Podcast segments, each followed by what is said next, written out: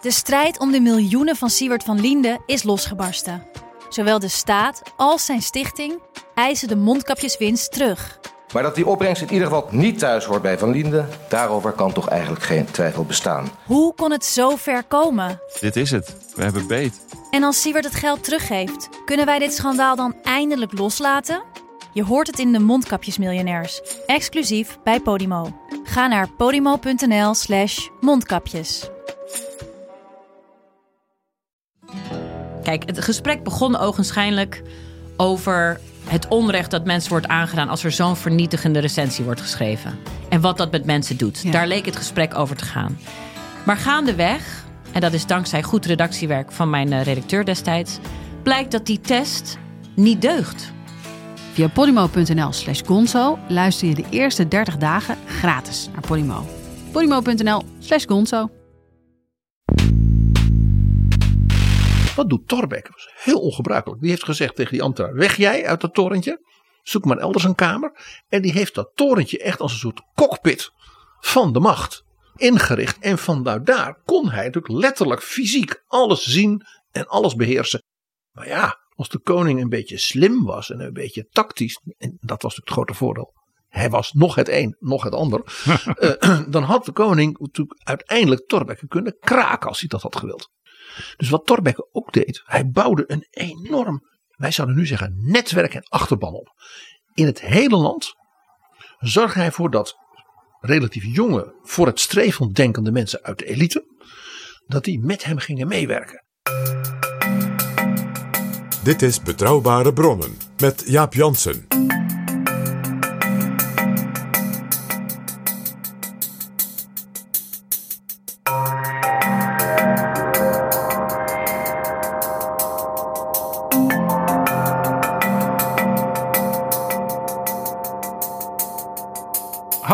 Welkom in Betrouwbare Bronnen, aflevering 274. En welkom ook PG. Dag Jaap. PG, het is binnenkort 150 jaar geleden dat een van onze grootste staatsmannen overleed. Op dinsdag 4 juni om half zeven in de vooravond. En in het, de krant Het Vaderland stond vervolgens Breng aan allen met wie ik zoveel jaren aan de belangen van het vaderland gewerkt heb, mijn laatste groeten en zeg hun dat de stervende vriend is heengegaan, erkentelijk voor de steun die zoveel hem in moeilijke tijden gaven. Johan Rudolf Thorbecke. Heel indrukwekkend dat hij zelf, als dat dus op zijn sterfbed, een groet bracht aan al die mensen die hem in al die jaren hadden gesteund en ik denk in het bijzonder in de, zeg maar, de laatste twee jaar van zijn leven, toen hij door de dood van zijn vrouw uh, ja, zeer aangeslagen was. En dat ook leidde tot dat hij fysiek niet meer kon. Ja, ja de, de, de, de auteur van het hele dikke boek over Thorbecke, Thorbecke Willet heet dat, Remig Aarts. Een schitterend boek. Die, die noteert dit en hij schrijft er wel bij, het, het waren niet zijn famous last words, want die waren waarschijnlijk, eh, mag ik een glaasje water. Want hij was aan het uitdrogen in zijn laatste uren. Maar Torbek was wel iemand die alles zeer goed regelde. En ook uh, deze manier van formuleren past bij de persoon. We gaan het over hem hebben, PG. Maar voordat we dat gaan doen, willen we eerst nog even de nieuwe vrienden van de show welkom heten. Ja, dat doen wij graag. We zijn hen weer zeer erkentelijk. En dat zijn Niels, Volkert, Alfons, Marian, Marta en Pieter. Allemaal hartelijk dank voor jullie donatie en welkom in de club van vrienden van de show. En wil jij ook vriend worden? Ga dan naar vriendvandeshow.nl/slash bb. Jaap Jansen en Pieter Gerrit Kroeger duiken in de politieke geschiedenis. PG Thorbecke, 150 jaar geleden overleden. Ik noemde hem een van onze grootste staatslieden. En dat is zo. Dat is zo. Uh, wij hebben als uh, zeg maar, gemeenschap, als land, of hoe je het noemen wil, natuurlijk een aantal mensen uh, van de buitencategorie. De eerste die ik natuurlijk moet noemen is Johan van Oldenbarneveld. Velen noemen ook Johan de Wit. maar Thorbecke zit echt ja, zeg maar, bij, bij, op dat niveau. Thorbecke hangt ook in het torentje achter minister-president Mark Rutte. In het torentje ook Kort van der Linden, eh, zeg maar de voorganger van Rutte als liberaal minister-president. Dus drie liberale premiers, Torbekke, Kort en Rutte dus. Ja, overigens staat daar ook nog het borstbeeld van Willem Drees, vlak naast Rutte. Zeker, want dat, De sociaaldemocraat. Willem Drees wordt zeker ook door eh, Rutte als een van de grote minister-presidenten van de 20e eeuw gezien. En daar valt natuurlijk veel voor te zeggen. Ja, ja Drees die heeft natuurlijk eh, met zijn ministers allerlei sociale wetten ingevoerd. En een koloniale oorlog gevoerd, maar ook de onafhankelijkheid uiteindelijk van Indonesië moeten Ja. accepteren en regelen. Maar en natuurlijk ook Invoeren op- van die wetten, omdat Thorbecke natuurlijk bekend staat eh, vanwege ook een groot aantal wetten die hij heeft ingevoerd. Eh, en ook Thorbecke als een van de architecten van de grondwet van 1848, die nog altijd de basis is voor de huidige grondwet. En ik wil het met jou hebben, Jaap, over zoveel meer dingen van Thorbecke. dan wat we dus altijd zeggen, ja, is de band van de grondwet. Hij is in dat zekere zin ook als Drees en als Oldenbarneveld. en mensen van dat niveau zoveel meer.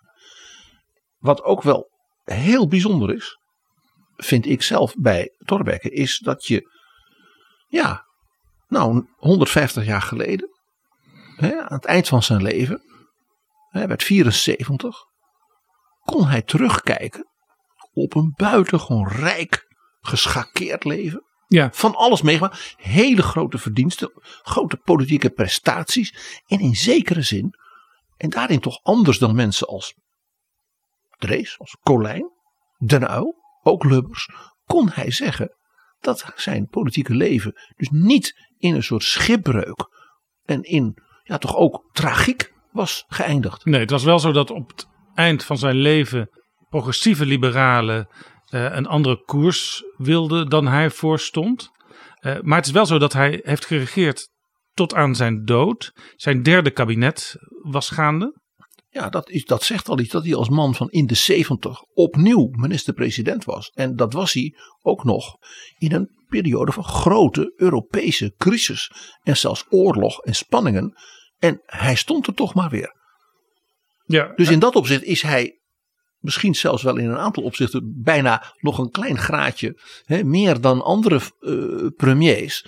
Uh, is dat hij eigenlijk letterlijk tot zijn laatste snik een belangrijk en ook geslaagd politiek leven had. Ja, PG, jij wil met ons een aantal aspecten van Thorbecke bespreken die niet bij iedereen bekend zijn.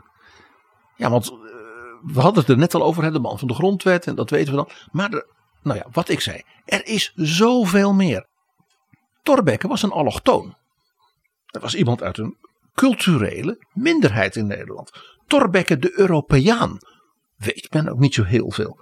Hij was vanuit die grondwet niet maar alleen maar een soort theoretisch abstract staatsgeleerde. Hij was politiek in een aantal opzichten een echte bevrijder.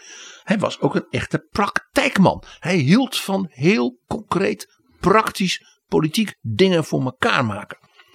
En ik wil het ook nog even, Jaap, hebben over Thorbecke was ook wel een baasje hoor. Hij was ook wel een persoonlijkheid, laat ik zeggen, met zo zijn eigenaardigheden. En die niet alleen maar geliefd was. Ja, tot, tot in het regisseren van wat er de ochtend na zijn dood in de krant zou moeten staan. Ook dat heeft wel iets bazigs. Dit is Betrouwbare Bronnen. PG, jij noemt hem een allochtoon. Hij heeft Duitse wortels. Ja, Thorbecke was niet iemand, ik zal maar zeggen, uit de politieke, maatschappelijke elite van, zeg maar, Holland. Het dominante ding al in de Republiek en natuurlijk ook daarna. Hij is geboren in Zwolle. In Zwolle, uh, uit in feite een handelsfamilie, onder andere in tabak, uit Duitsland. Zijn moeder was een Duitse. Het was dus geen patricier uit de betere kringen, om maar zo te zeggen. Nee, sterker nog, uh, ze, ze leefden ook soms in armoede, het, het gezin Thorbecke. Ja, want zijn vader uh, was uh, een, een, hele lieve man. Daar heeft hij ook heel, heel mooi en warm altijd herinneringen over geschreven. Maar altijd met de erkenning dat hij gewoon mislukte. Als zakenman en als. Ja, maar het was een hele lieve vader. Maar het was een beetje, nou ja, een, een, ja, een sul. Ja, maar En- en- hij, en- hij, en- hij, hij, hij mocht wel studeren. Ja, Thorbecke kon studeren. En dat kwam omdat dus die Duitse familie. Ja, een soort gevoel had van verantwoordelijkheid voor zeg maar, de, de, de, de, Hollandse tak van, dus die, hè, van zijn moeder. En zijn vader dus echt gewoon op de pof en op de zak leefde. Van dus de relatief rijkere eh, familie handelaren in Ja. Duitsland. En eh, ja, daarbij was er dus ook een sterke familiaire en dus ook culturele band met, eh, met Duitsland. En dat maakte dus ook dat dus Johan Rudolf, eh, ja, als het daar in die zin weer van profiteerde. Dat zeg maar de Duitse cultuur waarin hij dus opgroeide. Hij was natuurlijk geboren in 1798, dus dan, ja, dan denk jij, ah, de glorietijden van Goethe, Schiller, de Humboldts, dus de Weimarer klassiek, het Duitse, eh, de Duitse verlichting, maar ook de beginnende Duitse romantiek, ja, in de cultuur, in de filosofie. En ja, daar werd natuurlijk heel erg de nadruk gelegd op studeren, je talenten ontplooien, eh, kinderen eh, die iets konden ook ja, dat laten doen. Eh, en daar heeft dus Thorbecke, ondanks dus van zeg maar, de materiële beperkingen in dat gezin, in zekere zin van die cultuur heel erg geprofiteerd. Ja, de jonge Thorbecke ging ook in Duitsland studeren. Ja, dat sprak voor zich bijna. Hè? Eh, hij kreeg een, eh, een, een, een beurs. eh, waarmee hij dus in Duitsland als soort reizend student. Dat was echt iets heel bijzonders. Dan moest je dus als heel getalenteerd zijn. Dat was hij dus ook. En dus kon hij, wat natuurlijk geweldig was voor een jong iemand van die tijd. In Duitsland als het ware gaan rondkijken. Dan is bij die universiteit, dan is bij die professor. En ja, zo kwam hij, en dat was natuurlijk niet zo dom van hem, eh, bij de zeer prestigieuze universiteit van Göttingen. En daar heeft hij zich echt, eh, eh, echt gevormd. En dat betekende dus ook dat hij anders dan bijna elk andere zeg maar, jongen in het Nederland van koning Willem I. In feite dus een hele internationale, brede culturele vorming kreeg. In een land wat nog de top van cultuur, wetenschap en ook van het politieke debat vormde. Het was natuurlijk ook het Duitsland van na 1815, na Napoleon, waarbij dus de oude heersers als het ware weer vol de macht hadden. En dus met name aan de universiteiten, onder de studenten, onder de intellectuelen, het debat over politiek, cultuur, vrijheid, het nationaal liberalisme in Duitsland. Waarbij de liberalen zeiden wij moeten één democratisch Duitsland vormen, weg met al die vorsten.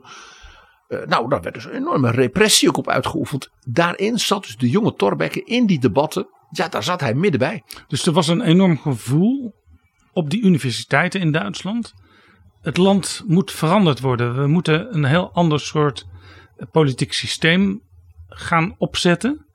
En eh, de politieke leiding uit die tijd, nou de vorsten, de vorstendommen, eh, die zagen dus universiteiten als, als, als gevaarlijke plekken. Broeiennesten van revolutie, anarchisme, eh, slechte eh, jonge intellectuelen die de, de, zaak willen omgooien.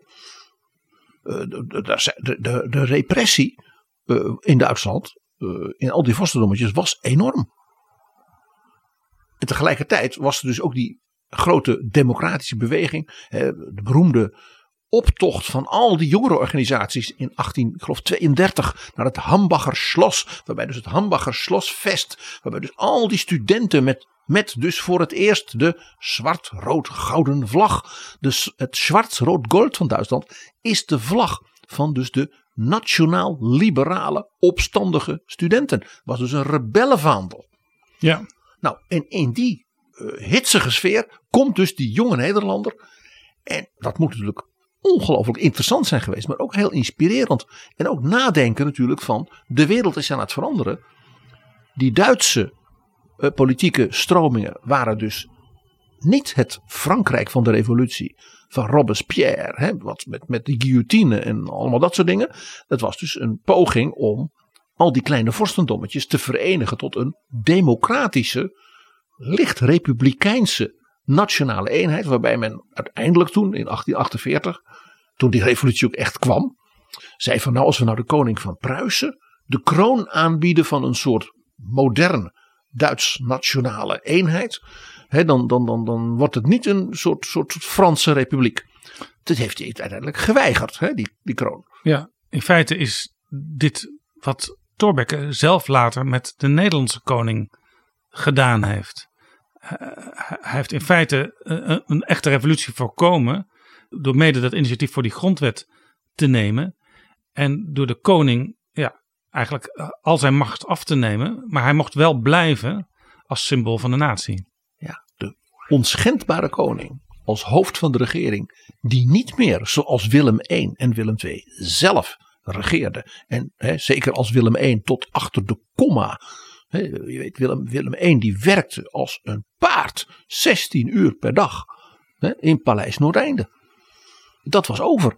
En deze manier van denken van Thorbecke, die hij dus ook in allerlei publicaties daarvoor ook al als politiek theoreticus, maar ook heel concreet uitgewerkt had gedaan. Ja, die zijn onmiskenbaar beïnvloed door die discussies in Duitsland, die hij als het ware als jonge eh, eh, ja, intellectueel daar rondreizend natuurlijk heeft opgesnoven. Ja, Thorbecke heeft ook vaak gediscussieerd met zijn goede vriend Groen van Prinster, eh, conservatieve politicus. Ze vonden het heel fijn om met elkaar ook in de Tweede Kamer in debat te gaan. Groen was bovendien de secretaris van de koning geweest. En, en, en Groen van Prinster was absoluut en echt 100% tegen elke vorm van revolutie. Zijn beroemde boek Ongeloof en Revolutie. Die zei: eh, revolutie, zoals in Frankrijk, dat is uiteindelijk de afbraak van, zeg maar, van de christelijke gemeenschap. Is dus anti-religieus en leidt dus tot, zoals in Frankrijk, verschrikkelijke vervolgingen. En Thorbecke was, was absoluut geen voorstander natuurlijk van de guillotine. Maar hij zei wel, soms kunnen machthebbers het er zo naar gemaakt hebben... Eh, dat revolutie eigenlijk de enige weg is om een verandering eh, tot stand te brengen. En daarbij werd dan ook altijd gewezen natuurlijk naar de Unie van Utrecht, eh, Willem de Zwijger en natuurlijk ook altijd naar Amerika. Waar men ook een revolutie had gedaan tegen de koning van Engeland en zijn regering. En waar de constitutie het gevolg was van de revolutie.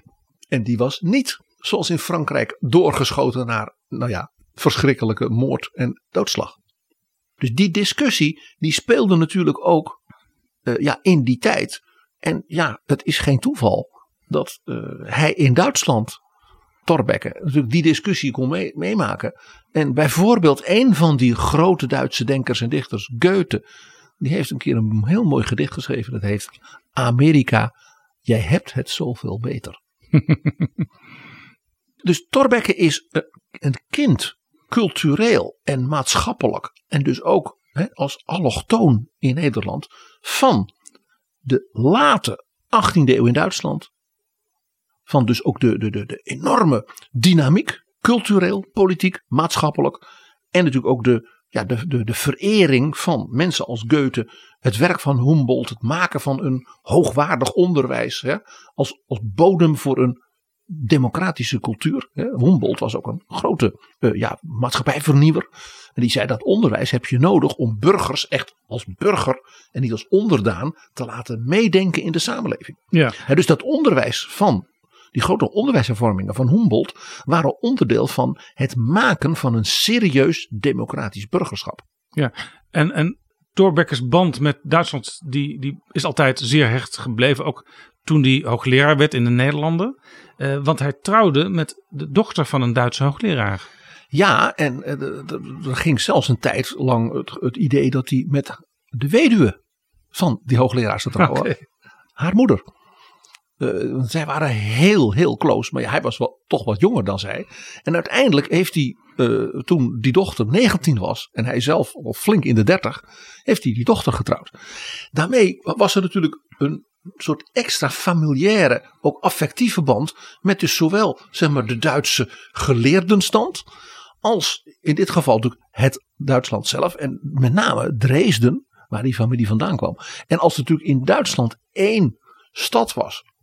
Zeker zin tot de dag van vandaag. Die staat voor grote cultuur. Dan is dat natuurlijk Dresden. Het, het Florence aan de Elbe. Zoals het eh. Zoals het in Duitsland wordt genoemd. En onthoud. Dresden was ook een stad van enorme politieke, maatschappelijke discussies en wat dan niet. Je zult het me vergeven, Jaap. In 1848, 1849, hè, terwijl Thorbecke in Nederland dus zo bezig was en zelfs premier werd, was er een communistische revolutie met vele doden en opstanden en toestanden in de stad Dresden. En men heeft daarvoor twee hele beroemde mannen, die daar een leidende rol in speelden, zelfs ter dood veroordeeld. De een was de grote Russische anarchist Bakunin en de ander was de kapelmeester van de opera van Dresden, Richard Wagner. Dus ook Dresden was weer zo'n brandhaard van culturele, maatschappelijke en politieke discussie en vernieuwing. En daar had hij dus zijn familie, zijn schoonfamilie. En Thorbecke kwam daar dus veel en graag. Ja. En Jaap, ik zei het al net, hij was dus een allochtoon. Zowel wat betreft zijn herkomst, als natuurlijk ook zijn huwelijk, als ook ja, zijn opleiding. Hij was helemaal niet, zeg maar, Hollands. Maar er was natuurlijk nog iets. Hij groeide op in het Nederland, eerst van de Bataafse Republiek en de Franse overheersing als kind. En daarna de terugkeer van de Oranjes, 1813, toen was hij 15. En toen was Nederland een land met een staatskerk, geleid door koning Willem I. Ook daarin was Thorbecke een kleine culturele minderheid. Want het gezin Thorbecke was Duits-Luthers. En behoorde dus niet tot de Nederlands hervormde kerk. De Lutheranen werden geaccepteerd. Ze werden zeg maar, getolereerd in de goede zin van het woord. Meer dan de katholieken? Zeker, zeker. Omdat ze protestanten waren. Maar het was duidelijk een minderheidsgroep en had zich dus te gedragen, om het maar even zo te zeggen. En ze konden niet als vanzelfsprekend, bijvoorbeeld bij benoemingen en dergelijke, uh, uh, uh, ja, verwachten dat ze op dezelfde manier behandeld werden. Dus je zou kunnen zeggen, Thorbecke begon maatschappelijk met een achterstand. Ja, met een achterstand die, en dat interessante is dat in zijn ontwikkeling, intellectueel, ook als persoon, ook door zijn huwelijk, heeft hij dus van die achterstandspositie, die minderheidspositie als allochtoon, daar heeft hij dus een krachtbron van gemaakt. Want dat heeft hem dus ook de deuren geopend naar die grote intellectuele, culturele wereld van zijn achtergrond, van zijn geloof en van zijn familie. En in dat opzicht is Thorbecke voor het Nederland van de 21ste eeuw een buitengewoon boeiende en inspirerende man. Thorbecke werd hoogleraar in Gent. En dat was in de periode, uh, je had het net al over uh, de hele jonge Thorbecke in dat protestantse Nederland. Maar het waren eigenlijk op dat moment zelfs de Nederlanden. Want wat wij nu kennen als België hoorde er ook bij. Dus Ja. naar Gent. Ja, dus hij ging naar Gent. Maar dat was natuurlijk toch voor een jongen uit Zwolle. Met die Duitse achtergrond in feite toch opnieuw weer een andere cultuurkring. Het Vlaanderen van toen, en zeker de elite van Vlaanderen van Ja, toen, was natuurlijk allemaal Franstalig. Franstalig. Allemaal Franstalig. Dus het feit dat hij daar als heel jong geleerde zei, daar ga ik heen, toonde ook zijn zeg maar, intellectuele en culturele avontuurlijkheid. Dat moet je er ook bij zeggen. En maar ook dat hij dus opnieuw niet hoorde bij, ik zal maar zeggen, de Hollandse elite en patricia. Hij was in cultureel opzicht een Europeaan, blijkt hieruit. Dat was hij zeker. Want die Duitse achtergrond was natuurlijk ook een hele moderne achtergrond. Hè, met de ontwikkeling van wetenschap, cultuur en het politieke debat. In Gent werd hij onder andere, wij zouden nu zeggen, hoogleraar economie. Want in die tijd was het zo dat je dus bepaalde leeropdrachten kreeg. Ook al had je dan klassieke taal en klassieke literatuur gedaan, zoals hij had gestudeerd. Maar ja, hij had in Duitsland dus heel veel andere dingen gedaan. Ja, hij was overal in die Duitse universiteiten waar hij de top van de geleerden kon spreken, ging hij daar natuurlijk heen. Dus hij had een heel breed palet wat hij het ware kon doen. En in Gent deed hij dus ook wat wij nu zouden zeggen economie. Dus wat deed hij? Hij zei, ja, wat is hier interessant in de zuidelijke Nederlanden? Nou ja, ja, dat mogen duidelijk zijn. De zuidelijke Nederlanden behoorden tot de absolute avant-garde in die tijd van technologie, industrialisatie. Meteen na Engeland. Ja, anders dan de noordelijke Nederlanden. Juist. Dus Thorbecke ging zich verdiepen in de sociale en economische aspecten van de industrialisatie. Ging daarover publiceren. Werd dus daarmee gevoed ook weer door de nieuwste ideeën en ontwikkelingen uit Engeland. Tegelijkertijd België, zo, zoals wij nu zouden zeggen, was natuurlijk ook van de, van de Nederlanden het meest, zeg maar, op Frankrijk en de Franse en ook Britse liberale traditie en modernisering gericht, meer dan op de Duitse. Dus Thorbecke kreeg met zijn grote Duitse achtergrond een zeer, wij zouden zeggen, avant-garde economisch-technologische voeding, onder andere hè, van de zuidelijke Nederlanden met Engeland. En tegelijkertijd ook weer politiek in de zuidelijke Nederlanden vanuit Frankrijk. Ja, zoals eh, nu op universiteiten mensen eh, zich aan het bekreunen zijn over de invloed van kunstmatige intelligentie. Zo schreef Thorbecke een verhandeling over den invloed der machines op het samenstel der maatschappelijke en burgerlijke betrekkingen. In 1830 deed hij dat. Oftewel, hij had al oog voor het feit dat dus de ontwikkeling van machinale productie en alles dat, dat dat dus de maatschappelijke betrekkingen, dus de sociale verhoudingen onder druk zou gaan zetten. 1830. Je zou bijna zeggen de Nederlandse Marx. Wat ook weer past bij zijn Duitse filosofische achtergrond natuurlijk Ja, wel. en Marx is ook eh, hoofdredacteur geweest van een liberaal dagblad in Duitsland. Er was columnist van een hele vooruitstrevende krant in Amerika, zoals je weet. En werd mede mogelijk gemaakt door Philips. Medewerker door Philips. En een van de vaste lezers daarvan was Abraham Lincoln. Maar dat gaan we een andere keer behandelen, denk ik. Terug naar Thorbecke. Ja. Dat hij dus toen hij actief werd, inmiddels als hoogleraar in Leiden, in de nationale Nederlandse politiek, in feite na dus de scheuring van de Nederlanden, hè, waardoor hij dus moest vluchten als hoogleraar uit de noordelijke Nederlanden, uit Gent. Eh, ja, toen kwam hij dus met ideeën, met serie artikelen en met voorstellen voor ja, eh, zeg maar, grondwettelijke hervormingen. Van hij zei, ja, die zijn nodig. Nu België is afgescheiden en die noordelijke Nederlanders zichzelf opnieuw moeten inrichten. Dus hij had zoiets van, ja, laten we het dan ook maar meteen goed doen. Ja, hij schreef aantekeningen bij de grondwet. Heel verfijnd. Dus wat hij deed was niet, ik kom met een compleet nieuwe grondwet. Hij nam de bestaande grondwet en zei, wat zijn nu de lessen van de voorbije zeg maar, 20, 30 jaar? En wat zien we in andere landen gebeuren? En hij schreef dus aantekeningen bij die grondwet. Waarbij als je natuurlijk goed las. Hij dus als het ware zei, nou dat kan wel beter. En dat kan misschien maar beter weg. En dat moet helemaal anders. Ja, maar hij begon dus in feite op een, op een eh, intellectuele manier naar die oude grondwet te kijken. En ook weer vanuit de gedachte. Niet een tabula rasa à la de Franse revolutie. Maar een beetje zoals de Amerikanen hè, in Philadelphia deden. Ze hadden de Articles of Confederation. Dat werkt niet zo goed. Kunnen we niet een aantal dingen verbeteren? Waardoor uiteindelijk die Constitution ontstond. Eenzelfde manier van denken en werken paste Thorbecke toe. En het meest interessante was dat de meest fundamentele kritiek die hij kreeg op zijn voorstellen van 1844, 1845 was: deze man denkt on-Nederlands. Inderdaad, Thorbecke was een echte Europeaan in de wijze waarop hij zich als het ware liet inspireren en de manier waarop hij dus keek naar hoe Nederland zich als het ware verder zou moeten ontwikkelen. Ja, ik las in het boek van Remig Aerts dat eh, Thorbecke op een gegeven moment werd voorgesteld aan de koning. En de koning had al van alles gehoord over deze man. En hij was, We er, hebben het over koning Willem II. hij was er een beetje bang voor ook. Eh, maar na die ontmoeting dacht hij, oh, die, die vent valt toch eigenlijk wel mee. Het Je kunt ermee, je kunt ermee praten. Ja, dat, koning Willem II was een, een, hele, eh, een hele hartelijke man die heel erg het contact met mensen zocht.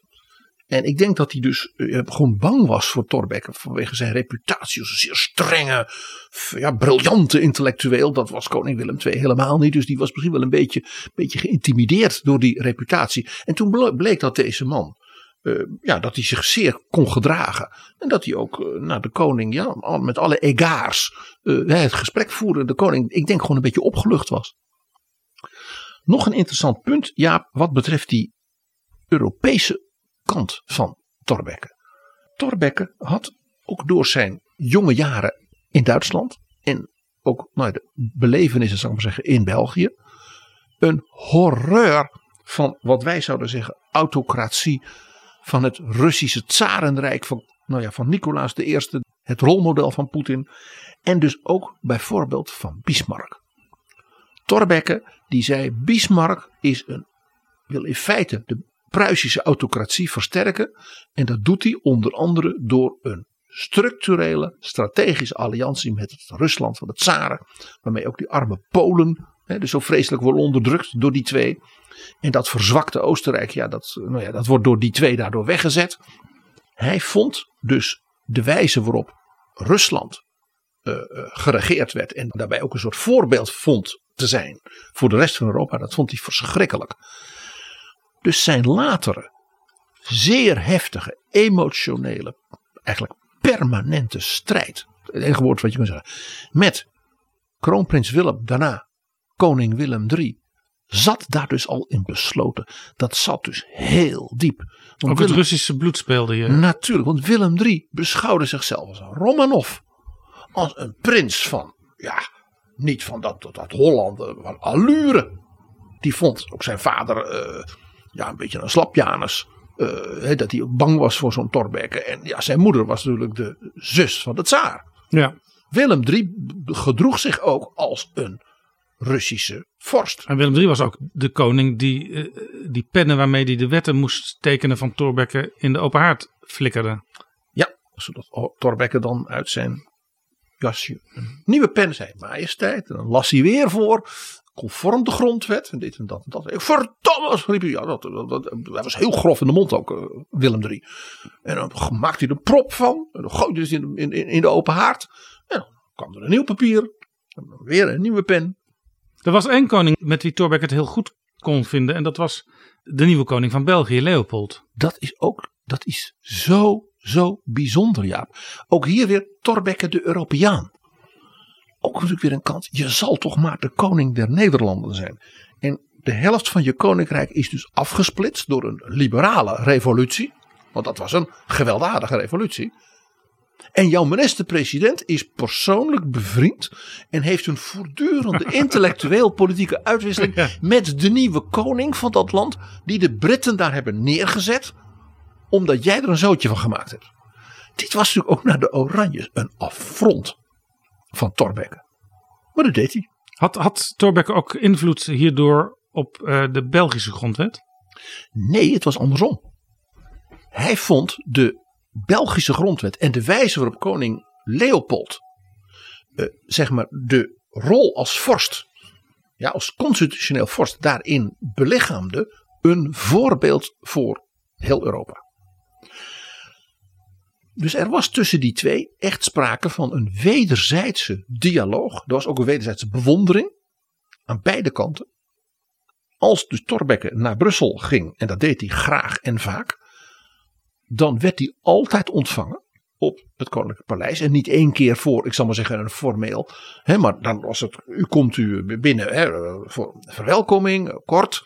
Maar dan bijvoorbeeld de volgende dag was er een lunch. En de dag daarop was er een diner. Want de koning die vond het prettig om met Thorbecke bij te praten. Ja, en die hadden dus echt een hoogwaardig politieke dialoog, ook over de hele Europese politiek. Zo ging het ook over Duitsland, over Frankrijk, over Spanje misschien wel, over Oostenrijk, noem maar op. Nou ja, er is nog iets waarom die twee natuurlijk heel veel gemeen hadden. Leopold was een Duitse Lutherse prins in een katholiek land en was dus om koning van België te worden en uh, zeg maar, het compromis in Europa rondom de komst van België af te hechten, getrouwd met de katholieke dochter van de koning van Frankrijk. Hij was natuurlijk zo bekend en ook zo gewaardeerd in Europa als de prins-gemaal van Engeland. Leopold was die buitengewoon knappe, mooie jongen. Die was getrouwd met prinses, kroonprinses Charlotte van Engeland. Alleen ja, die stierf heel jong. Maar anders was hij dus de prins gemaal geworden. En hij was natuurlijk de ja, politieke coach van die jonge koningin van Engeland. Zijn nichtje Victoria. Kortom, het was een ontzettend interessante koning die Leopold voor Thorbecke. En die Leopold had ook nog gezorgd dat zijn neef Albert, die hoogstwaarschijnlijk zijn zoon was, want die leek enorm op hem, want hij was ook beeldschoon, net als Leopold als jongeman, dat die dus gekoppeld werd aan Victoria. Leopold zat bovenop, zeg maar, de apenrots van de Europese koningen en diplomatie. Die had dus connecties overal, ja, dus in Parijs via zijn vrouw, in Londen via zijn leerlingen en nichtje Victoria en zijn neef, ja, Albert, die voortdurend met hem communiceerde. Want ze waren alle twee heel vooruitstrevend denkende mensen. En hij had natuurlijk een enorme familie ook in Duitsland. Ja, dit is ook weer een voorbeeld, eh, PG. Een, een wat eh, moderner voorbeeld eh, dan sommige die we in het verleden besproken hebben. Van hoe de elites met elkaar contact hadden in Europa en in de wereld. En hoe intensief dus de uitwisseling was tussen dat soort mensen. Al eeuwen en eeuwen voor, voor onze tijd. Maar het feit dus dat Thorbecke en Leopold alle twee eigenlijk zo'n allochtoon en een culturele religieuze minderheid waren, was natuurlijk ook iets. Die herkenden natuurlijk dingen in elkaar, hadden vergelijkbare ervaringen. Ja, Het is ook heel leuk, toen koning Leopold stierf, toen heeft dus ehm, de Belgische regering gevraagd, oh, serieus, of hij op het, het sterfbed zich niet wilde laten dopen als katholiek. Want anders kon hij niet begraven worden in de grafkelder. Die was klaargemaakt voor het Belgisch Koningshuis. Ja. In de beroemde kerk in Laken. maar dan moest je katholiek zijn. moest je katholiek zijn. En toen heeft Leopold gezegd dat hij was geboren en getogen en gedoopt als Lutheraan. En zo wenste hij ook te sterven. En waar is hij begraven? Toen hebben ze hem dus, ja dat is een heel mooi verhaal. Ze hebben hem dus toen op een andere manier, ja, dus niet via de kerk uiteindelijk naar die grafkelder moeten brengen. Want de katholieke kerk zei, ja, dat kan je niet eh, via onze... eh, hè, er was dus geen rouwdienst voor de koning in de kapel. Nou, dat geeft dus aan. Ik, ik heb dit, voor mij is dit altijd een, dit is een ding tussen Torbeck en hem geweest. Die hebben dit van elkaar geweten en herkend. Maar het maakt dus, het, ziet, het geeft dus ook weer aan dat Torbeck een man was van, ook wel van politiek en intellectuele allure. Dat je dus met zo'n koning, met zo'n achtergrond, die die ook had, dat je daar zo'n bijzondere band mee kunt hebben. Terwijl hij natuurlijk donders goed wist, Leopold, hoe de band was van Torbeck met zijn collega in Den Haag en op het Loo, Willem III.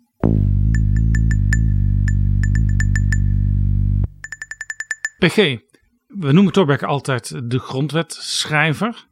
Hij had natuurlijk die aantekeningen eh, bij de grondwet gepubliceerd. En in 1844, 45 met de zogenaamde negen mannen, dat waren dus acht Kamerleden en hij, een serie concrete voorstellen gedaan. Waarvan dus werd gezegd, dit is een, ja, dat kan absoluut on-Nederlands. Ja, dat Ja. was het grote verwijt. De proeven van herziening der grondwet volgens de aantekening. Precies, dus een uitwerking weer van die aantekeningen. Men vond het een schande. Het was bijna alsof hij een soort anti, anti-nationale voorzet had gedaan. Ja, en toch een paar jaar geleden is er een boek verschenen over Dirk Donker Curtius. En eh, in dat boek wordt uit het doek gedaan dat eigenlijk eh, Donker Curtius een veel belangrijke rol had uiteindelijk bij het tot stand komen van die grondwet van 1848. Ja, Donker Curtius was zeg maar het oliemannetje.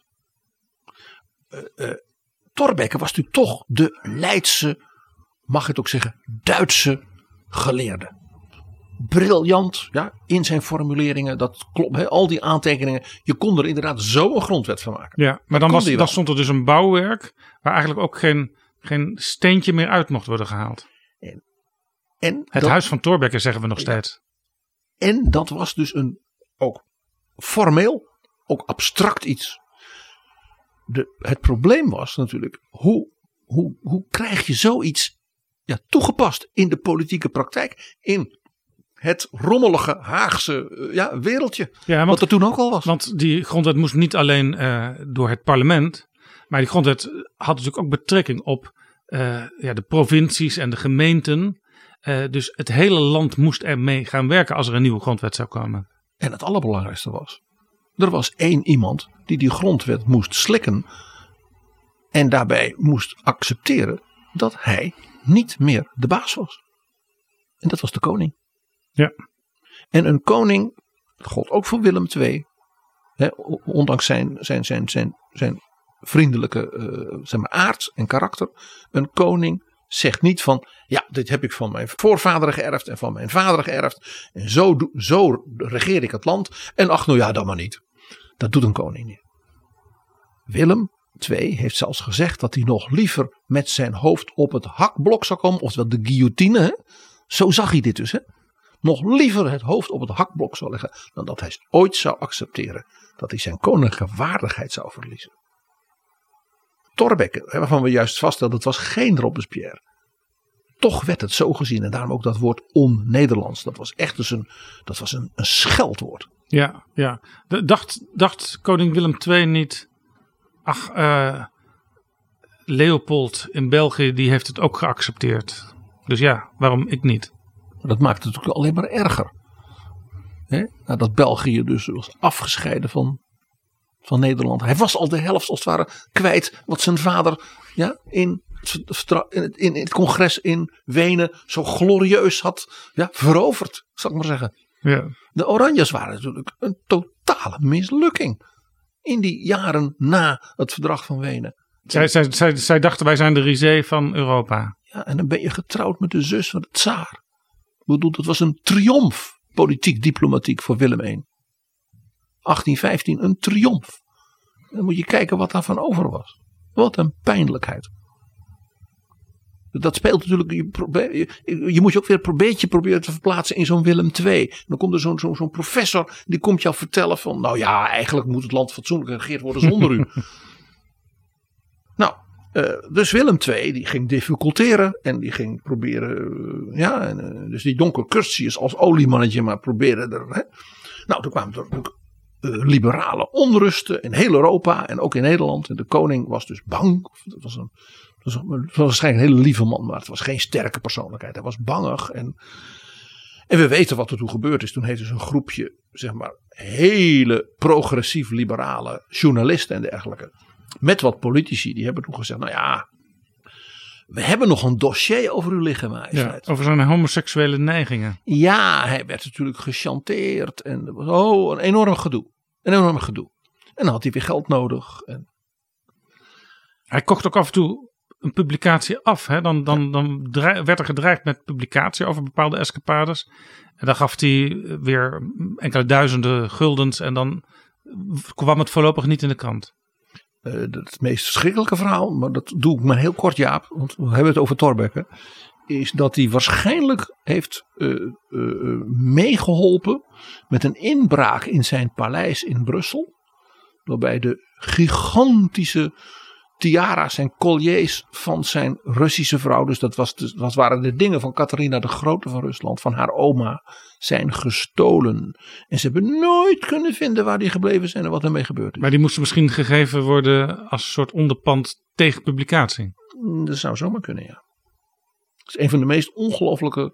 Het is een film. Ja, Het is een film. ja, chantage is natuurlijk altijd vreselijk. En de koning is dus letterlijk Maar gechanteerd in zijn paleis in Kneuterdijk. En dat is dus dat beroemde verhaal dat hij in één nacht van conservatief naar liberaal was geworden. Ja, punt was, hij, hij stond dus heel zwak en dat besefte hij zelf als geen ander. En daar kon dus ook Thorbecke en Kutjes en anderen konden daar dus ook wel, ja, laten we het netjes zeggen, gebruik van maken. Eén ding is helder, ook uit het boek van Remy Gaarts. eh Thorbecke is op dit punt, ik zal maar zeggen, brandschoon. Eh, die zat hier in deze intriges er niet bij. Eh Donker Curtius, ik zei het was een oliemannetje. Die heeft het waarschijnlijk wel geweten en gedacht, nou doe, ik kijk maar even de andere kant op. Uiteindelijk kwam dus die grondwet er tot ieders verrassing. eh, met dus de instemming van de koning. Met het hele verhaal erachter. En eigenlijk pas een jaar later werd Thorbecke, wat wij nu zouden zeggen, premier. Die functie bestond in Nederland officieel toen niet. Ja, 1 november 1849 werd hij eh, leider van het eerste kabinet Thorbecke, zoals Ja, we dat nu noemen. Dat noemen we nu zo. Hij werd dus minister van Binnenlandse Zaken. En de minister van Binnenlandse Zaken ging eigenlijk over ongeveer alles. Dat was ook het moment dat het torentje in gebruik werd genomen door de minister. Ja, Thorbecke die eh, had die grondwet. Die die natuurlijk in hoge mate zelf had geïnspireerd en had voorbereid. En, eh, hè. Dus die wist, ik heb nu een instrument in handen. Maar dan moet ik het ook wel gaan doen. Dus wat heeft Torbekke gedaan? Die heeft dat torentje, eh, dat een soort werkkamer was van zeg maar, zijn hoogste ambtenaar. Dat heeft hij eigenlijk, we zouden zeggen, genaast. Hij heeft gewoon tegen die ambtenaar gezegd: je zoekt maar elders een kamer uh, aan het Binnenhof. Want dat ministerie van Binnenlandse Zaken, dat zat dus in wat nu algemene zaken is. En, die, en al die oude gebouwen die nu allemaal zijn afgebroken. Allemaal heel veel bouwvallige rommel. En allerlei losse plekken rond het plein en zo, daar zaten al die ambtenaren. Ja. Die ministers die, die hadden wel een kantoor, maar meestal regeerden die gewoon vanuit huis. dat waren natuurlijk heren van stand met een prachtig pand ergens in Den Haag. En die kwamen dan misschien af en toe eens op dat ministerie. Daar zaten vooral wat ambtenaren. Wat doet Torbeck? Dat was heel ongebruikelijk. Die heeft gezegd tegen die ambtenaar: weg jij uit dat torentje. Zoek maar elders een kamer. En die heeft dat torentje echt als een soort cockpit van de macht ingericht. En vanuit daar kon hij natuurlijk letterlijk fysiek alles zien en alles beheersen en ambtenaren bij zich Ja, roepen. dat, dat is overigens niet sindsdien altijd zo gebleven. Hè? Later zat, zat er weer gewoon een topambtenaar in. En, het bleef van Binnenlandse Zaken. Het is dus ook een heel erg iets persoonlijks van Torbekke geweest. Ik ga dit zo doen. En waarom was dat?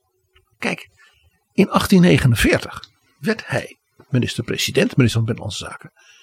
En koning Willem II ging plotseling volledig onverwacht dood.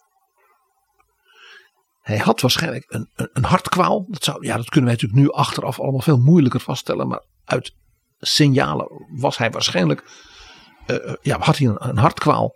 En is dus echt heel plotseling uh, gestorven. En ja, toen kwam dus die kroonprins. Die nou, Willem III. Ja, koning Willem III. Nou, hij heeft eerst geweigerd koning te worden. Want hij zei die grondwet moet eerst weg. uh,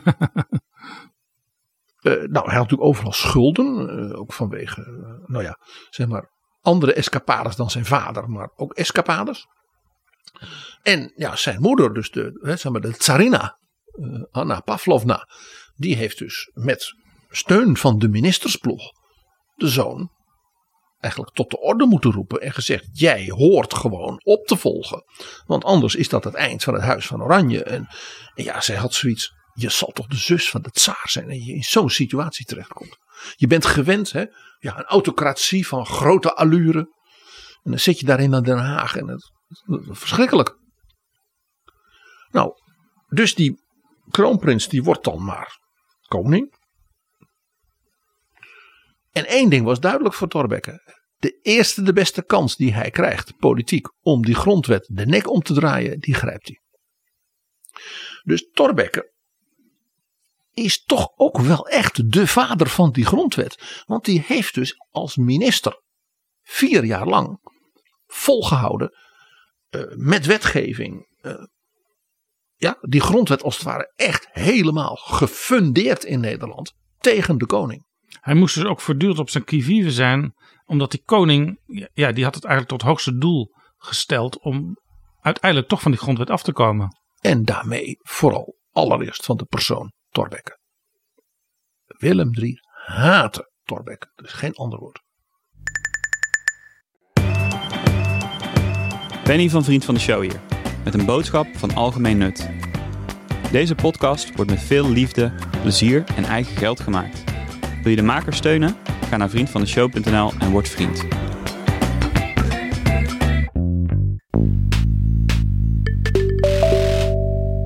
Dit is Betrouwbare Bronnen.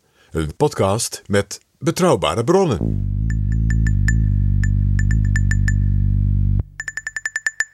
Die grondwet, daar, daar moest hij dus voortdurend aan blijven werken en dat ook in, in wetten omzetten. Uh, jij zei al, hij zat in het torentje als minister van Binnenlandse Zaken. Maar als ik kijk waar zo'n minister van Binnenlandse Zaken destijds over ging. Over alles ongeveer. Dan kom ik ongeveer op zeven van de huidige ministeries uit. Uh, daar zat in, in het takenpakket. Binnenlands bestuur, logisch. Landbouw, handel en nijverheid, dus zeg maar economische zaken. Armenzorg, laten we zeggen sociale zaken. Onderwijs, waterstaat en volksgezondheid. Probeer je even in te denken, het Nederland van die tijd. Armenzorg, een enorm probleem. Waterstaat, nou ja, spreekt voor zich. Onderwijs. Thorbecke heeft in die vier jaar en ook in latere jaren op al die terreinen dus hele grote, belangrijke wetgeving en dingen doorgezet. Ja, hij kon dus echt als een, als een van Humboldt, eh, hij had ook bewondering voor die broers van Humboldt, kon hij zich met alles tegelijk bezighouden. En deed dat ook. Want dat was ook het punt. Hij wist, ik ben nu die minister. Ik denk dat hij ook heeft gedacht, ik moet tempo maken, tempo maken, tempo maken. Want die kroonprins is nu net koning geworden. Die is dus zichzelf aan het settelen in die functie. Wie weet bouwt die dus allemaal netwerken op van mensen die natuurlijk de, de koning naar de, hè, naar de ogen kijken. En hem gaan helpen mij te vermoorden politiek. Ja, en natuurlijk ook mensen die, die misschien wel eh, om hem heen zaten als minister. Ja, en kamerleden. En... Want Thorbecke, zeker in zijn eerste kabinet, had die ministers niet allemaal zelf kunnen uitzoeken. Nee, en hij was wel in elk opzicht de leider van het stel. Maar ja, als de koning een beetje slim was en een beetje tactisch, en dat was natuurlijk het grote voordeel. Hij was nog het een, nog het ander. eh, dan had de koning natuurlijk uiteindelijk Thorbecke kunnen kraken als hij dat had gewild. Dus wat Thorbecke ook deed, hij bouwde een enorm, wij zouden nu zeggen, netwerk en achterban op. In het hele land zorgde hij voor dat relatief jonge, voor het streven denkende mensen uit de elite, dat die met hem gingen meewerken. Dus hij zorgde ook door die, ja, die nieuwe situatie, waarbij dus de koning onschendbaar was en de ministers verantwoordelijk, dat dus hij als minister van Binnenlandse Zaken op al die terreinen die jij noemt, hij de benoemingen deed en niet meer de koning. Dat leidde dus tot groot gedoe tussen Thorbecke en die koning. Ja, dus als, er, als iemand die bij wijze van spreken 30 jaar een bepaalde functie had gehad in de provincie Groningen, eh, als die, die overleed, eh, dan kon hij Thorbecke eh, een dertiger er neerzetten die op zijn lijn zat. Thorbecke bouwde dus een hele eh, zeg maar, steunpilaren in het land. Wij, wij zouden nu zeggen een achterban.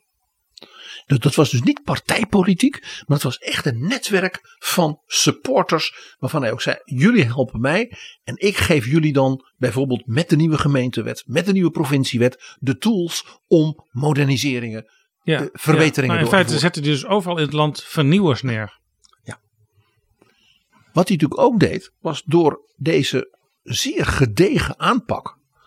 eh, zorgde hij dat Nederland als het ware de aansluiting vond met dus de nieuwe ontwikkelingen elders in Europa. In economie, in bestuur en in politiek. Daarmee maakte hij als het ware ook dat, die, die, die grondwet steviger. De koning kon niet zeggen, ja, er zijn nog een rare hobby van die Thorbecke geweest en dat schaffen we weer af. Nee, Thorbecke zorgde dat dat dus als het ware als dat ingebed was in die Europese ontwikkeling. En daarmee ontstond dus inderdaad wat jij noemde het huis van Thorbecke hè, met de gemeentewet, de provinciewet eh, eh, en al die andere reorganisaties eigenlijk die hij doorvoerde. Ook dus ten aanzien van bijvoorbeeld de ministeries in Den Haag. En er stond dus een samenhangend geheel. En hier zeg ik altijd, hier heb je toch echt de student hè, van, de, van de Duitse filosofen. Hè, dus een echt een, een, gebeeldhouwd, samenhangend geheel. Hè, dat stond letterlijk en figuurlijk als een huis. Inderdaad, zoals het werk van Humboldt.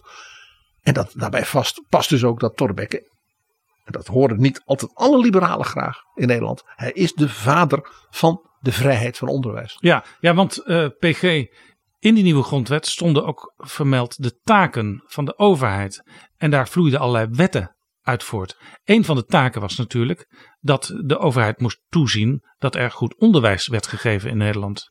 En Jaap, onder koning Willem I, ja, die natuurlijk een Russische autocraat was, hè, en zijn zoon dan ook uithuwelijkte aan de tsaren, uh, uh, was het dus zo dat de overheid, ik bedoel dus dan bedoel echt Den Haag, bepaalde, bijna een beetje Frans, uh, hoe dat gebeurde.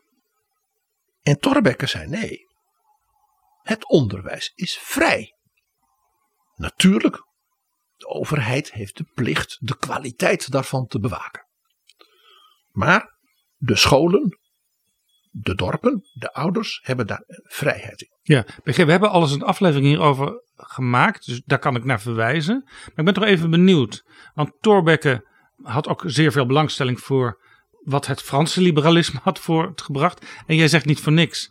En dat was heel erg vanuit Parijs gericht. Bij wijze van spreken op maandagochtend om 9 uur en op maandagochtend om 10 uur eh, weten alle leerlingen van een bepaalde leeftijd wat ze gaan doen. Of je nou in eh, Bordeaux zit of in eh, Grenoble, Lyon. ja. Grenoble.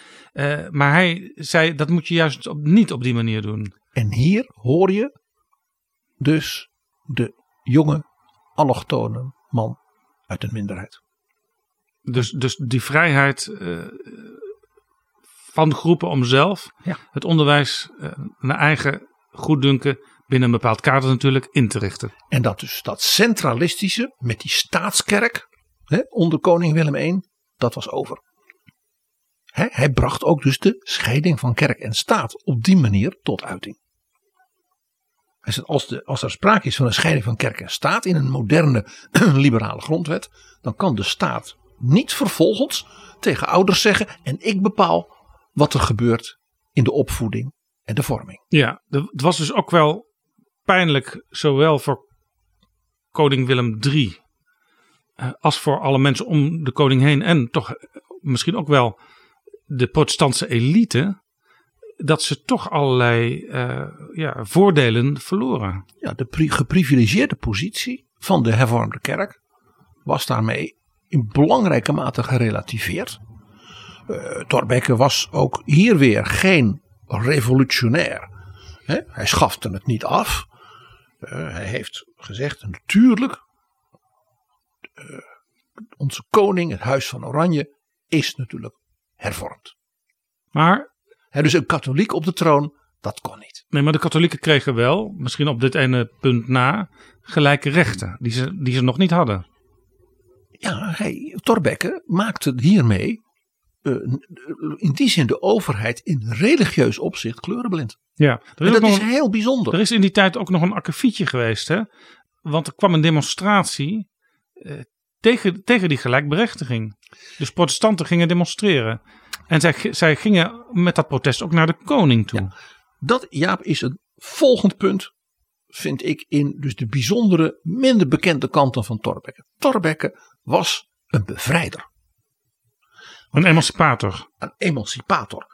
Die vrijheid van onderwijs zag hij als een emancipatie dus van burgers in hun rol als ouders.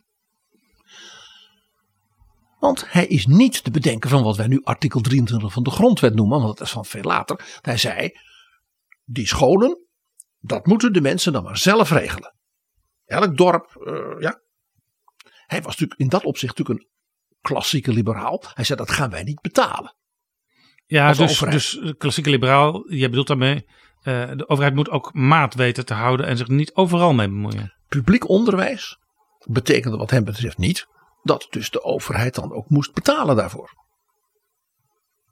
Die ontwikkeling is natuurlijk door de enorme democratisering in de, ja, de generaties na hem gekomen. Nu, nu, nu vinden wij dat natuurlijk volstrekt normaal. Dat de overheid met die kwaliteitseisen ook zegt, dan betalen wij ook de salarissen van die leraren. En de, zorgen we dat er goede gebouwen zijn en wetenschappelijk onderzoek. Dat was in die tijd natuurlijk nog niet zo, die manier van denken. Maar die vrijheidsgedachte, hè, waarvan sommige mensen ook nu nog altijd denken dat dat iets confessioneels is in Nederland, is dus zo liberaal en zo Thorbeckiaans als maar kan. En dat heeft dus te maken met Thorbecke de emancipator. Toen duidelijk was dat de scheiding van kerk en staat dus in Nederland in feite was doorgevoerd. Hè, met als daar die bijzondere positie dan van het Huis van Oranje. Toen zeiden de katholieken, ja maar dat betekent dat wij dan ook ons gewoon mogen organiseren als katholieke kerk in de Nederlanden. Want dat was daarvoor dus nog Nee. uit de tijd van de republiek hè, en de oorlog tegen Spanje niet het geval geweest. En de paus dacht, ah, dat is mooi, dan ga ik een aantal bisschoppen benoemen. De paus die zei, die zei, dan ga ik in Nederland, zoals dat heet, de episcopale hiërarchie Herstellen. her- herstellen. dus ik ga zeggen, dan komt er een bisdom eh, Den Bosch. En, hè, en dan in het zuiden een beetje meer dan in het noorden. Qua, hè, een beetje van hoeveel katholieken wonen er? Nou, nou zoveel katholieken, een bisschop. Met dus daaromheen ook een organisatie. En dus een geld en instituties. En dus de complete manier zoals een kerkgenootschap zich organiseert. Nou, koning Willem III die bleek buitengewoon gevoelig voor, wij zouden zeggen, protestdemonstraties vanuit de orthodoxe Calvinisten die zeiden. Die Thorbecke die heeft die scheiding van kerk en staat doorgevoerd. Maar nou gaat hij ook nog de paus in Nederland introduceren. Met al zijn macht en de Jezuïeten. Je kent alle verhalen wel. Hè? Die dan eh, altijd de ronde deden. Dat willen we niet. Nou, Willem III, die ik denk ook heel politiek dacht. Hier heb ik het breekijzer om die liberale grondwet van Thorbecke. Als het ware van onderop, vanuit het volk, Ja. bestrijden. Ja, want dat volk, eh, en zeker de, de protestantse leiders daarvan, die waren in feite op dat moment zijn achterban, de achterban van Willem III. Dus niet alleen Thorbecke had een achterban gecreëerd in het land, maar, Maar de- Willem III had er ook nog een. Uh, Willem III had er een gekregen.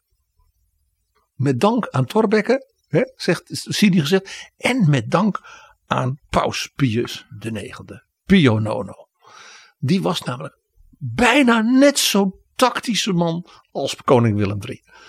In plaats van dat hij nou dacht, ik kan nu daar in de Nederlanden een organisatie neerzetten hè, voor mijn kerk. Laat ik dat nou een beetje op een, op een nou, wij zouden zeggen polderende manier doen. Dat ik tegen die meneer Torbekke zeg van eh, hoe zullen we dat doen? Eh, Ja. Nee, wat doet die man? Die komt met een soort bul, een soort encycliek. Om nog eens even te onderstrepen waar de katholieke kerk ideologisch voor staat. En hij zegt dus wij veroordelen, hè, dus als paus van Rome, het liberalisme, het communisme, het Calvinisme. Want de Calvinisten, dat zijn ketters.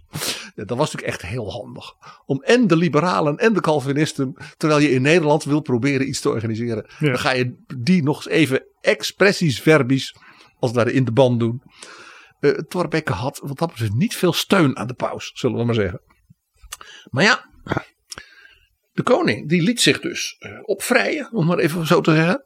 En toen en dat werd dus natuurlijk duidelijk voor de organisatie van de rebellen tegen eh, de, het herstel van de Ja. kerkelijke hiërarchie. Maar die deden zelfs, die rebellen deden zelfs een, een beroep op de koning. Ja, die dachten, wat kunnen wij nou doen? En ook hier weer, wat staat er in die grondwet van Thorbecke waar wij zo tegen zijn en de koning zo tegen is? Oh ja, je mag natuurlijk een petitie bij de regering indienen. Dus men heeft tienduizenden handtekeningen, was in die tijd dus heel bijzonder, een adres aan zijn majesteit. Want zo heette dat.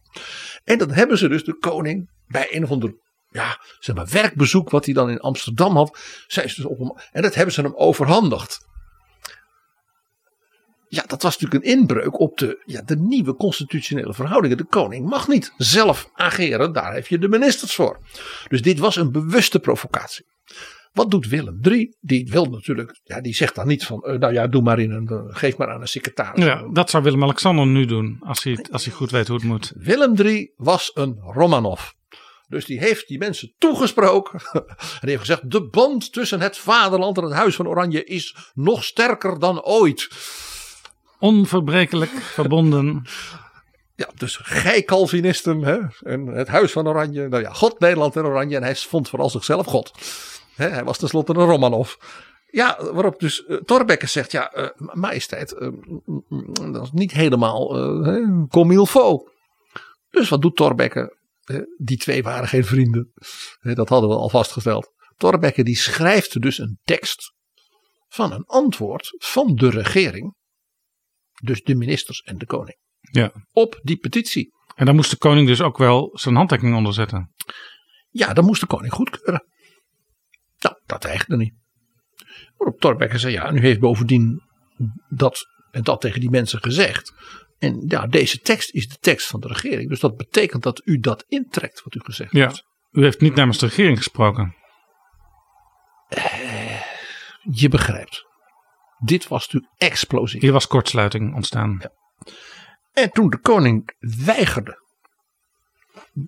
als het ware, dit te doen, heeft Thorbecke gezegd, dan neem ik ontslag. Dit is een van de belangrijkste, zeg maar, constitutionele conflicten geweest in onze hele nationale geschiedenis.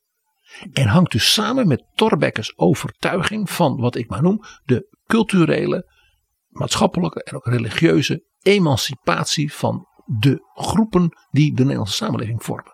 Het is dus heel interessant, want tegenwoordig is het zo dat een, een kabinet ja, stopt als het intern implodeert, zou je kunnen zeggen. Of als er een conflict is met de Tweede Kamer.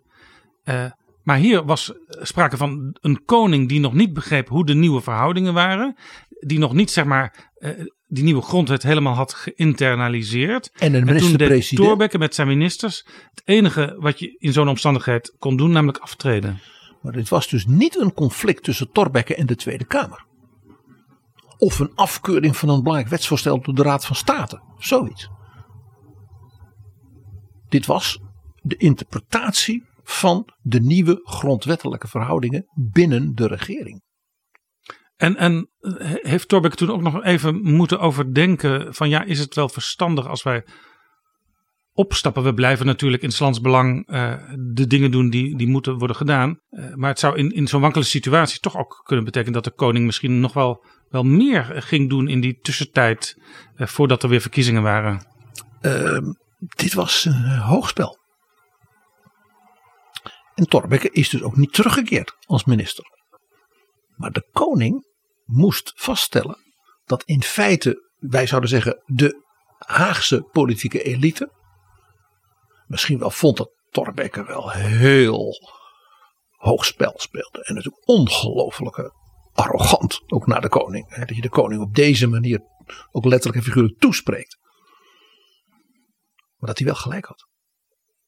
Dat de grondwet zo functioneerde. Dus uiteindelijk, de koning haalde dus een zepert bij de overwinning dat Thorbecke weg was. Maar in zekere zin was het dus een grote overwinning voor Thorbecke. De koning had hij de voet dwars kunnen zetten.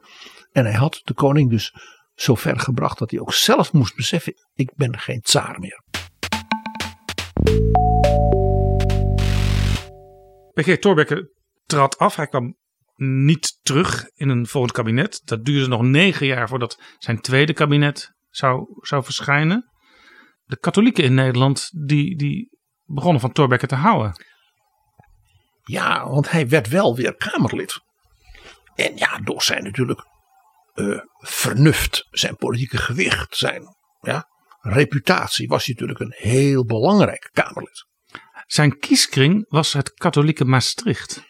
Thorbecke was zeer populair in katholiek Nederland. En zeker dus bij de katholieke elite, de katholieke burgerij.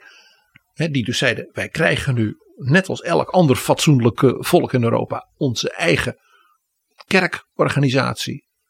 Hè, die wij gewoon als goede vaderlanders toch wel heel graag zien in een vrij land. En dat danken wij aan Thorbecke.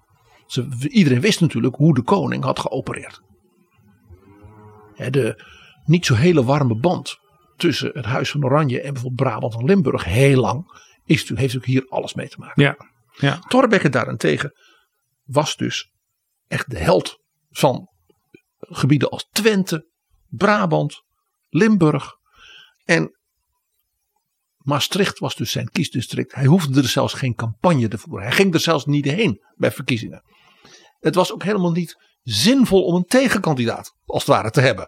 Van de meer conservatieven of zo. Dat had geen enkele zin. Thorbecke was uh, dus echt geliefd. Men wist wat men aan hem had. Dat hij dus ook serieus gemeend had. Dat het geen opportunistisch tactisch iets was. Zijn idee van wat ik maar noem die vrijheid en die emancipatie. ook wat betreft het onderwijs dus. Maar dat dat bij hem dus een principiële kwestie was. En dat hij zelfs bereid was geweest dus de koning te weerstaan en daarvoor af te treden. Daarbij kwam dat Thorbecke in Brabant, Limburg en Twente ook heel veel support had van, wij zouden nu zeggen, de nieuwe, de nieuwe mensen. Dus de industriële elite in Twente, de textiel. In Brabant, uh, ja, dus de adel had je natuurlijk in Nederland, maar uh, nu had je de, de nieuwe rijken. ja, de nieuwe, de nieuwe burgerij. Maar de nieuwe rijken die, die rusten niet op hun lauren, maar die waren echt uh, aan het bouwen en aan het uitbreiden. En dat was een beetje natuurlijk zoals in zijn jongere jaren in Gent. Zijn belangstelling voor industrie en technologie en economie. Dat, dat verbond zich dus ook met zijn politieke, zelfs staatkundig principiële alliantie met de katholieken. Dat was een hele belangrijke factor is dit geweest in Thorbecke's zeg maar, machtspositie als politicus. eh, zowel als Kamerlid als ook dus meerdere keren als premier. En we moeten natuurlijk nog even nog onderstrepen zijn emancipatierol natuurlijk als de man van de HBS. Ja, dus de hogere burgerschool. Dus niet het, de school voor de oude elite die dan naar de universiteit kon. Nee, een hogere burgerschool dus voor de kinderen van dit soort mensen. Waarbij men die, die scholen zelf kon oprichten. Zelf kon besturen. En niet als het ware van bovenaf. Waarbij dus ook nieuwe vakken Hè, dus nieuwe, nieuwe dingen, zoals moderne talen, zoals wij zouden zeggen. En dingen als eh, economie. En dat soort vakken, die dus nodig waren voor de nieuwe industrie en de nieuwe economie. En ook bijvoorbeeld, dat weet niet iedereen, hij heeft gestimuleerd dat in Nederland hogescholen kwamen naast universiteiten. En het is toch wat het was in Nederland niet, kwaliteitseisen centraal vastgesteld in het belang van de volksgezondheid aan de opleiding van artsen. Iedereen kon in Nederland maar blijkbaar zomaar dokter worden. En je weet, hij was minister van Binnenlandse Zaken en ging dus ook over de volksgezondheid. Dus ook op dat punt was dus uh, Thorbecke echt een emancipator. Zorgen dat artsen ja, fatsoenlijk waren opgeleid en hun kwaliteit daarbij werd gecontroleerd. Ja. En in dat opzicht is hij inderdaad de Wilhelm van Humboldt van de Nederlanden. Ja, zijn tweede kabinet werd ook wel het kabinet met de spade op de schouder genoemd. Ja, want dat is een tweede, dat is zo leuk Jaap. Je hoort hier dus Thorbecke, hoewel een geleerde, een man van, het is een doenerige man. Thorbecke, dat is ook een minder bekend aspect van, Thorbecke was een praktijkman. Die zei dat is mooi, ja, een grondwet en grote ideeën en ja, maar het gaat erom dat je het toepast. Dat je er iets mee gaat doen in het landsbelang en het belang van burgers en de bloei van de economie en de bloei van het land. Hij was dus geen ideoloog of theoreticus in die zeg maar abstracte zin, maar heel erg een doener. Ja, en die spade was ook letterlijk, want eh, het Noordzeekanaal uh, werd gegraven, de nieuwe waterweg.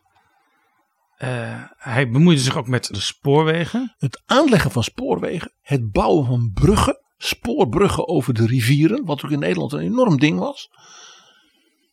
Waarmee hij natuurlijk ook zei: kijk, dit is nodig om de Nederlandse economie te koppelen met dus de avant-garde elders in Europa.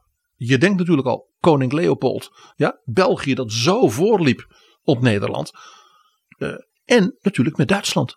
Ja, zijn band met Duitsland ja, was natuurlijk helder. Hij zag hoe Duitsland zich ontwikkelde, economisch, industrieel, wetenschappelijk. Dat was een jongen, had hij daar rondgekeken. Dus ja, zo'n nieuwe waterweg was ook nodig voor de opkomst van het Roergebied. De haven van Amsterdam, de haven van Rotterdam, de, de hele mobiliteit en daarmee dus ook de communicatie en de vrijhandel. Want Thorbecke was een groot uh, ja, gelovige in vrijhandel. Dus een van de belangrijke dingen die hij deed als minister-president in zijn tweede kabinet was het afschaffen van tollen en accijnzen op brandstoffen en allerlei andere dingen die in feite dus de economie remden. En dus met name ook die communicatie, mobiliteit en dus handel met België, met Duitsland en met de rest van Europa uh, belemmerden. Ook hierin zie je dus de combinatie waar ik eerder op wees. Thorbecke, de Europeaan. Dus met een veel bredere blik dan alleen Nederland. En Thorbecke, dus de man van de moderne ontwikkelingen. En ook daarin dus de emancipator. Ja. Maar bij hem altijd praktisch gericht. Ja, uh, na zijn tweede kabinet uh, duurde het een jaar of vijf en toen kwam zijn derde kabinet. En het tweede werd uh, het kabinet met de spade op de schouder genoemd. Het derde werd ook wel eens het kabinet met het geweer op de schouder genoemd. Want Thorbecke ging zich ook bezighouden met de defensie. Ja, want er waren natuurlijk grote spanningen in Europa. door de ja, reeks oorlogen van Pruisen. eerst samen met Oostenrijk in de Baltische landen, de Denemarken en dergelijke. Wat natuurlijk voor Nederland ook heel zorgelijk was, gelet op de, de handelsrelaties daar. Dan natuurlijk de grote oorlog tussen Pruisen en Oostenrijk. Waarbij Habsburg werd verslagen. En er een Noord-Duitse bond met een een economische unie van al die Duitse staten werd gevormd. Waar Thorbecke natuurlijk ook vanwege zijn vrijhandelsopvattingen natuurlijk zeer bezorgd over was. En toen kwam de Frans-Duitse oorlog van 1870. En toen was Thorbecke weer net premier. En ja, dat betekende dat Nederland dus zijn defensie eh, ja, moest reorganiseren en aanzienlijk versterken. Eh, en ik zei al, eh, Thorbecke was een uitermate kritisch en zelfs vreesachtig voor de ambities van Bismarck. Nou, eh Thorbecke heeft dat ook door zijn hoge leeftijd en zijn overlijden natuurlijk niet zelf kunnen afmaken. Maar nog één klein dingetje over Thorbecke, de praktijkman en emancipator. Het was het kabinet Thorbecke dat de slavernij afschafte in de Nederlandse koloniën. De slavernij afgeschaft. Laten we dat even noteren.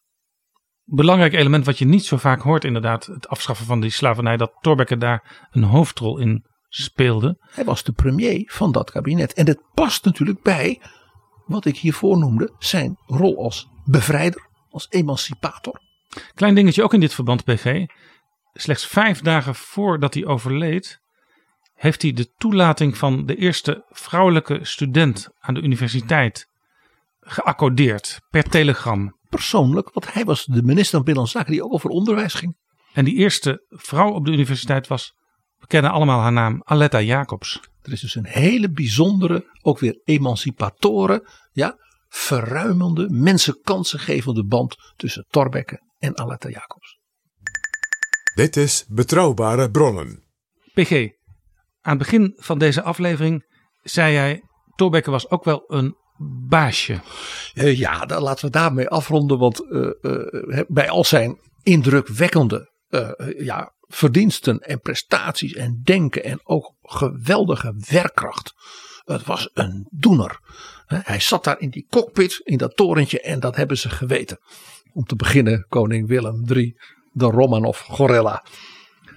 Dan heb je natuurlijk ook wel een beetje een karakter. Eh Thorbecke was natuurlijk intellectueel vlijmscherp. Werd ook daardoor wel eens wat arrogant gevonden in zijn optredens. eh, Zeker ook in de Kamer. Hij was heel koppig. Hij eh, liet zich eh, niet snel in Tweede Kamerdebatten overtuigen.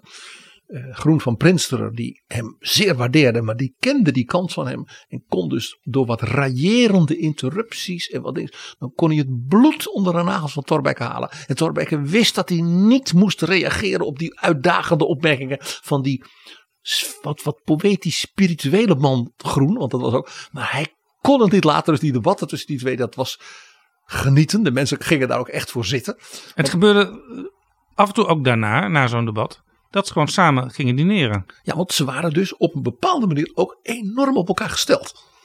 Het, het is heel bijzonder. Heel bijzonder. Eh, het komt in onze parlementaire en politieke geschiedenis niet zo heel vaak voor dat mensen op die, zo met elkaar ook in meerdere opzichten met elkaar echt verbonden zijn omdat ze aan elkaar gewaagd zijn. Hier hoor je dus ook nog iets anders. Er zat dus in die intellectueel, er zat dus ook een man met een, ja, met een hele andere kant. Het feit dat je dan zegt, en nu gaan we eten groen. En dan praat je misschien weer over dat nieuwe boek van deze Duitse geleerde of hè, eh, en dat soort dingen. Dat, hij had dus toch ook wel een soort charme. Dat kan haast niet anders.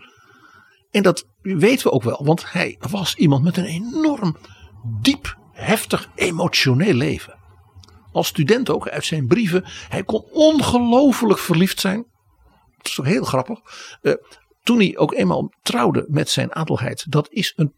De brieven van die mensen naar elkaar. Die zijn prachtig. Die zijn echt tot, tot haar dood. Vlak voor zijn dood. Intens verliefd op elkaar. Het is opmerkelijk, want als je eh, eh, afbeeldingen van Thorbecke ziet, dan zie je altijd een beetje een sobere meneer. Dan denk je van, zal niet een heel gezellige man in het café zijn geweest. Nou, ik, hij ging ook niet naar het café. Maar we weten van. Ja, bijvoorbeeld van zijn kinderen en van familie. En zo ook de familie in Duitsland. Hoe dol ze op hem waren. Dus er was een andere kant aan hem. Een hele affectieve kant. Hij was dus ook heel, heel emotioneel in zijn. Eh, in liefde en in zijn uitingen in, dat opzicht. Ja, toen, toen zijn vrouw overleden was, toen eh, ging het met hem ook steeds slechter. Hij was kapot. Dat is, dat is het enige woord wat je kan zeggen. Eh, hij schreef bijvoorbeeld kleine briefjes naar haar en dus, en dus schreef hij lief Madonnaatje. Dat is toch niet het eerste waar je aan denkt aan iemand die een grondwet schrijft. Ik zei al, dus dat heftige emotionele van hem. Dat was natuurlijk ook de kant waarom hij eh, natuurlijk met die koning gewoon ja, op het scherpst van de snede hè, vocht. Dat was niet alleen maar een strikt rationele politicus. Dit was ook een hele felle man die dacht: ik zal die koning desnoods op de knieën krijgen. Probeer je in te denken iemand in de 19e eeuw die zo met zijn vorst omgaat. Ja. Dat torentje, Jaap, ik zei het al, de cockpit van de macht. Dat was natuurlijk nog iets. Dat was ook zijn manier om die koning altijd een stap voor te zijn. Hij zat letterlijk het apparaat op de nek. Wetend dat de koning, want dan had hij weer een nieuwe vriendin, of dan ging hij jagen met zijn vrienden op, de, op het lo, dat de koning nooit zo ijverig was en scherp als hij zelf op de zaken zat. Dus hij kon hem altijd verslaan door sneller te zijn, slimmer te zijn, krachtiger erop te zitten en te gokken en te spelen op zeg maar, het gebrek aan aandacht van deze nou ja, gorilla voor de staatszaken. Omdat hij dan toch weer een nieuwe maîtresse had en dat had toch ook aandacht nodig. Dat wist Thorbecke en daar kon hij dus deze man altijd op verslaan. En dat maakte natuurlijk dat de koning hem alleen maar meer ging haten. Want de koning kon nu alleen maar vaststellen dat hij dus altijd verloor. Als het puntje bij paaltje kwam. Dus Willem III had ook wel een klein beetje gelijk, zeg ik dan. Thorbecke was natuurlijk superieur, was bazig, stond ja, eh, intellectueel ver boven hem en dat liet hij voelen. Jij verwees al naar die pennen die de koning dan in de open haard gooide. Dan laat je het ook voelen aan de koning. Hij was een baasje, maar in zijn laatste jaren kreeg hij ook wel tegenspel in zijn eigen liberale omgeving. Ja, hij was natuurlijk toch toen een oude man. En ja, de manier van denken ook in die achterban van hem. Zeg maar de zonen van die industriële en katholieke elite, hè, die hem zo gesteund hadden, die zeiden ja, maar we zijn inmiddels 30 jaar verder. En de industrie eh, ja, heeft zich ontwikkeld en we moeten nu iets doen voor de armenzorg. Ja, want- en de minister van Armenzorg, Thorbecke, is wel erg ouderwets in zijn manier van Ja, denken. want die jonge liberalen die vonden dat er, dat, er, dat er veel meer aan sociale. Ja, we zouden het nu kun, kunnen noemen. Zover ging het natuurlijk nog niet. Maar er moest wat meer aan sociale zekerheid gedaan worden. Ook voor de mensen aan de onderkant. Ja, en eh, een mooi voorbeeld daarvan is natuurlijk dat eh, in Duitsland diezelfde discussies ook natuurlijk werden gevoerd, ook met de industrie en de intellectuelen, die zeiden dat met de armenzorg en wat, dat daar die boef van een Bismarck zoiets zei van, dan ga ik dat doen. Want dan bouw ik dus loyaliteit bij de gewone mensen Ja. voor mijn bewind.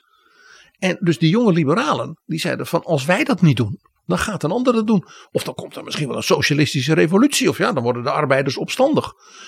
En Thorbecke zei zoiets, ja, maar dat is niet de staatstaak. He, die had wat dat betreft dus een ouderwetse liberale opvatting. Waarbij hij dus in zijn eigen achterban, ja, dus kritische geluiden kreeg van de jongeren. Ja, en een van de jongeren was, eh, we kennen zijn naam, Sam van Houten.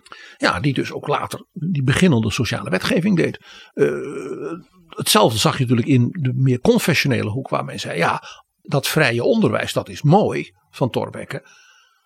Maar ja, als de overheid de kwaliteit van die scholen ja, wel controleert, maar niet investeert daarin, ja, dan ja, alleen de HBS is niet genoeg. En, en, en Thorbecke was in dat opzicht natuurlijk ja, een oude man. En die zat dus vast aan zijn ideeën in dat, dat opzicht van vroeger. Dat overkomt politici op bepaalde leeftijd. Allemaal, moet je maar denken. Thorbecke heeft daarvan dus ook in zijn derde kabinet niet hoeven meemaken dat die politiek als het ware door zijn eigen mensen eh, opzij is gezet. Of dat, hè, nou ja, zoals bij heel veel politici toch gebeurt, dat ze aan het eind van hun carrière eh, ja, een beetje, eh, ik zal maar zeggen, op een zijspoor worden gezet. Uh, Thorbecke heeft letterlijk tot zijn dood ja, de leiding genomen en ook in die oorlogsjaren, hè, voor zover zijn energie hem nog toeliet, eh, geprobeerd ervan te maken wat er was. Want dat is toch wel een belangrijk punt. Ook in die laatste jaren van zijn leven. Hè, hoewel sommigen hem dus zo langzamerhand een beetje een conservatief vonden. Dat hij door zijn grote argwaan hè, naar autocraten en dus ook naar Bismarck. Dat hij zei Nederland moet alert zijn. En wij moeten dus als het ware onze meer vrije manier van, van leven. En ons, hè, met onze grondwet en dergelijke. Die moeten we verdedigen. Uh, en uh, wat daar in Duitsland gebeurt met dat nieuwe keizerrijk. Uh, ja, dat was dus niet dat moderne democratische Duitsland. waarvan misschien die jonge intellectuelen voor 1848 hadden gedroomd. Wij weten dat hij Bismarck, de vriend van de tsaren. Hè, en daarmee dus ook net als Willem III. dat hij die ooit een keer in een brief heeft genoemd. dat is een man zonder enig geweten. En dat opzicht vind ik dat je Thorbecke ook weer de Europeaan Thorbecke daarin doorhoort. Dat, hè, die zei, je moet een gewetensvol bewind hebben. Waarin dus de democratie, waarin de rechten van burgers, hè, dus zijn emancipatorenrol tot uiting komt. Zoals dat in zijn gesprekken met de koning van België en met heel veel Duitse intellectuelen natuurlijk gedurende zijn leven altijd het geval was geweest. Dat opzicht is Thorbecke toch echt ook voor ons in deze tijd zeker nu we ook weer oorlogen met autocraten hè, in Europa meemaken, een man die ons mag inspireren. Baron Eneas Mackay, die zelf ook minister-president zou zijn. Van de generatie na hem, hè? Die schreef, nadat Thorbecke was overleden, in zijn dagboek. Thorbecke was ontegenzeggelijk een niet gewone man. De leegte zal zeer groot zijn. Dankjewel, PG. Graag gedaan, Jaap.